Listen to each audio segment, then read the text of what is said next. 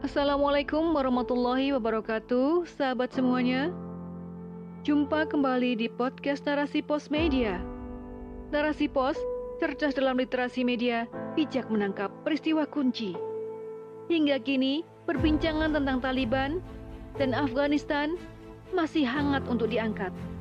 Sebagaimana dalam rubrik opini dengan judul Antara Taliban dan Afghanistan oleh Ayumela Yulianti, SPT.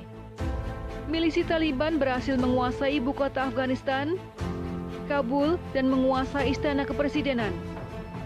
Sesaat setelah Amerika menarik mundur militer dan pasukannya dari tanah Afghanistan. Pada saat yang sama, publik Afghanistan pun banyak yang keluar wilayah Afghanistan untuk mengungsi. Tak lama setelah kekuasaan dan pemerintahan Afghanistan dikuasai oleh Taliban, China dan Rusia ditengarai berusaha masuk ke Afghanistan. Setelah Amerika hengkang dari wilayah tersebut, mereka masuk tentu dengan membuat kesepakatan dengan Taliban yang baru berkuasa dengan cara kudeta berdarah. Walaupun mereka tidak sepenuhnya mengakui kekuasaan Taliban atas Afghanistan. Semua fakta di atas menunjukkan bahwa kekuasaan Taliban atas Afghanistan adalah cacat sebab tidak mendapat dukungan sepenuhnya dari publik Afghanistan yang mayoritas memilih untuk pergi mengungsi. Atau dengan kata lain, kekuasaan Taliban atas Afghanistan tidak mendapatkan simpati publik. Hal ini pun menunjukkan bahwa publik Afghanistan sangat asing dengan Taliban, termasuk semua visi misi yang ingin diwujudkannya saat berkuasa di Afghanistan.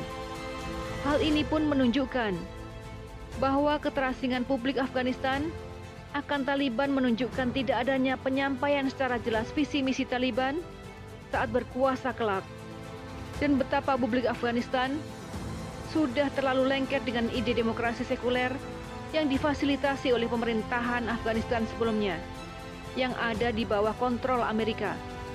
Sehingga publik Afghanistan ketakutan dengan penguasa baru mereka yaitu milisi Taliban yang lengket dengan simbol-simbol agama yang tidak banyak dimengerti oleh publik Afghanistan. Publik hanya memahami jika milisi Taliban jahat dan membuat Afghanistan berdarah-darah. Alhasil, Amerika sebagai induk semangat Afghanistan sebelumnya, jika tidak mau dikatakan sebagai kaum imperialis atas publik Afghanistan, telah berhasil menimbulkan konflik internal di tanah Afghanistan. Taliban yang Muslim dan pemerintahan Afghanistan sebelumnya yang tidak mau menyerah pun juga Muslim. Mereka dapat diadu domba. Belum lagi kedatangan Cina dan Rusia yang seolah menawarkan angin segar kepada Taliban di tengah kepenatannya yang tengah berusaha untuk menegakkan kekuasaannya di Afghanistan. Menunjukkan bahwa Taliban masih sangat lemah dalam membangun konsep kekuasaan yang hendak ditegakkannya. Taliban tidak mampu menilai dengan jernih bahwa Cina dan Rusia adalah masalah baru bagi Afghanistan. Sebab Cina dan Rusia yaitu negara yang memiliki prinsip tidak ada makan siang gratis. Sehingga kesamaan prinsip antara Cina, Rusia, dan Amerika akan menimbulkan masalah baru yang jauh lebih kompleks bagi pemerintahan baru Taliban di Afghanistan. Inilah kesulitan dan kegagalan yang sebenarnya yang dihadapi oleh Taliban saat berkuasa di Afghanistan saat ini yang ditengarai yaitu gagal mendapat simpati publik Afghanistan dan menerima uluran tangan Cina dan Rusia yang notabene adalah negara yang berideologi sosialis komunis yang tentu saja berseberangan dengan Islam yang ingin diperjuangkan penegakannya oleh Taliban. Sungguh Taliban telah menggadaikan masa depan pemerintahan dan kekuasaannya di Afghanistan.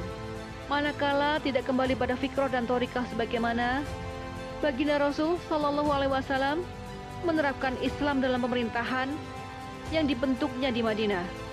Atau dengan kata lain, cepat atau lambat, Taliban akan mengalami kegagalan dalam menerapkan Islam dalam pemerintahannya, sebab tidak murninya jalan yang ditempuhnya untuk sampai pada kursi kekuasaan, atau tidak meneladani baginda Rasul Shallallahu Alaihi Wasallam saat meraih kekuasaan untuk menerapkan Islam. Jika kita kembali pada perjalanan dakwah Rasulullah SAW, hingga sampai pada keberhasilannya menerapkan syariat Islam kafah dalam pemerintahannya di Madinah. Baginda Rasul tidak menempuhnya dengan cara kudeta dan berdarah-darah. Kekuasaan baginda Rasul Wasallam diperolehnya atas penyerahan kekuasaan dari suku Aus dan Khazraj di Madinah. Saat berkuasa pun, baginda Rasul Shallallahu Alaihi Wasallam dan para sahabat mendapatkan sambutan luar biasa dari penduduk Madinah dengan sambutan penuh harap dan sukacita. Sambutan ini terjadi sebab penduduk Madinah paham dengan apa yang dibawa Nabi dan visi misi kekuasaan dalam pemerintahan yang akan ditegakkannya. Pemahaman penduduk Madinah tentang Islam yang dibawa baginda Nabi Shallallahu Alaihi Wasallam tidaklah terjadi begitu saja. Namun, semua melalui proses dan waktu yang cukup lama, melalui interaksi dakwah Rasul dan para sahabat dengan masyarakat, sampai semua mendapatkan sentuhan dakwah, hingga terbentuklah pemahaman dan keinginan dari penduduk Madinah untuk dipimpin oleh baginda Rasul Shallallahu Alaihi Wasallam. Penduduk Madinah begitu merindukan Rasul Shallallahu Alaihi Wasallam dan kepemimpinannya.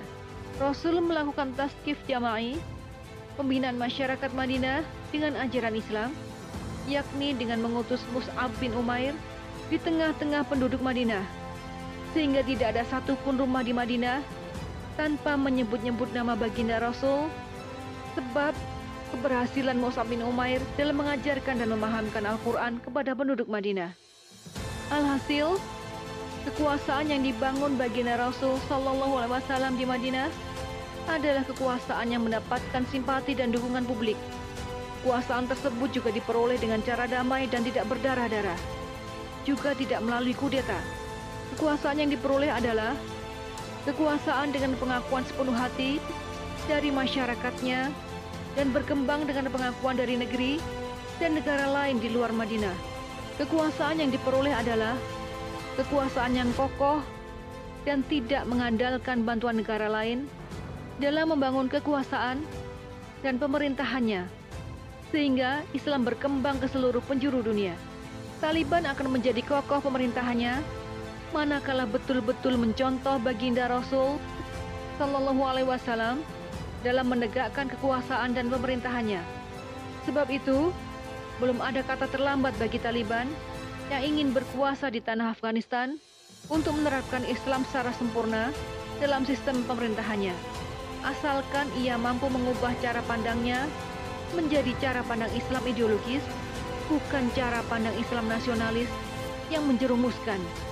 Sehingga saat Taliban menggunakan Islam ideologis seperti yang diajarkan oleh baginda Rasul Shallallahu Alaihi Wasallam, dalam mengendalikan kekuasaannya, niscaya mereka akan mampu menjaga seluruh harta kekayaan berupa sumber daya alam Afghanistan dari penjajahan yang akan dilakukan oleh negara-negara kafir imperialis yang sangat rakus.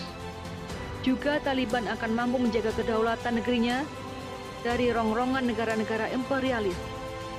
Wallahu alam.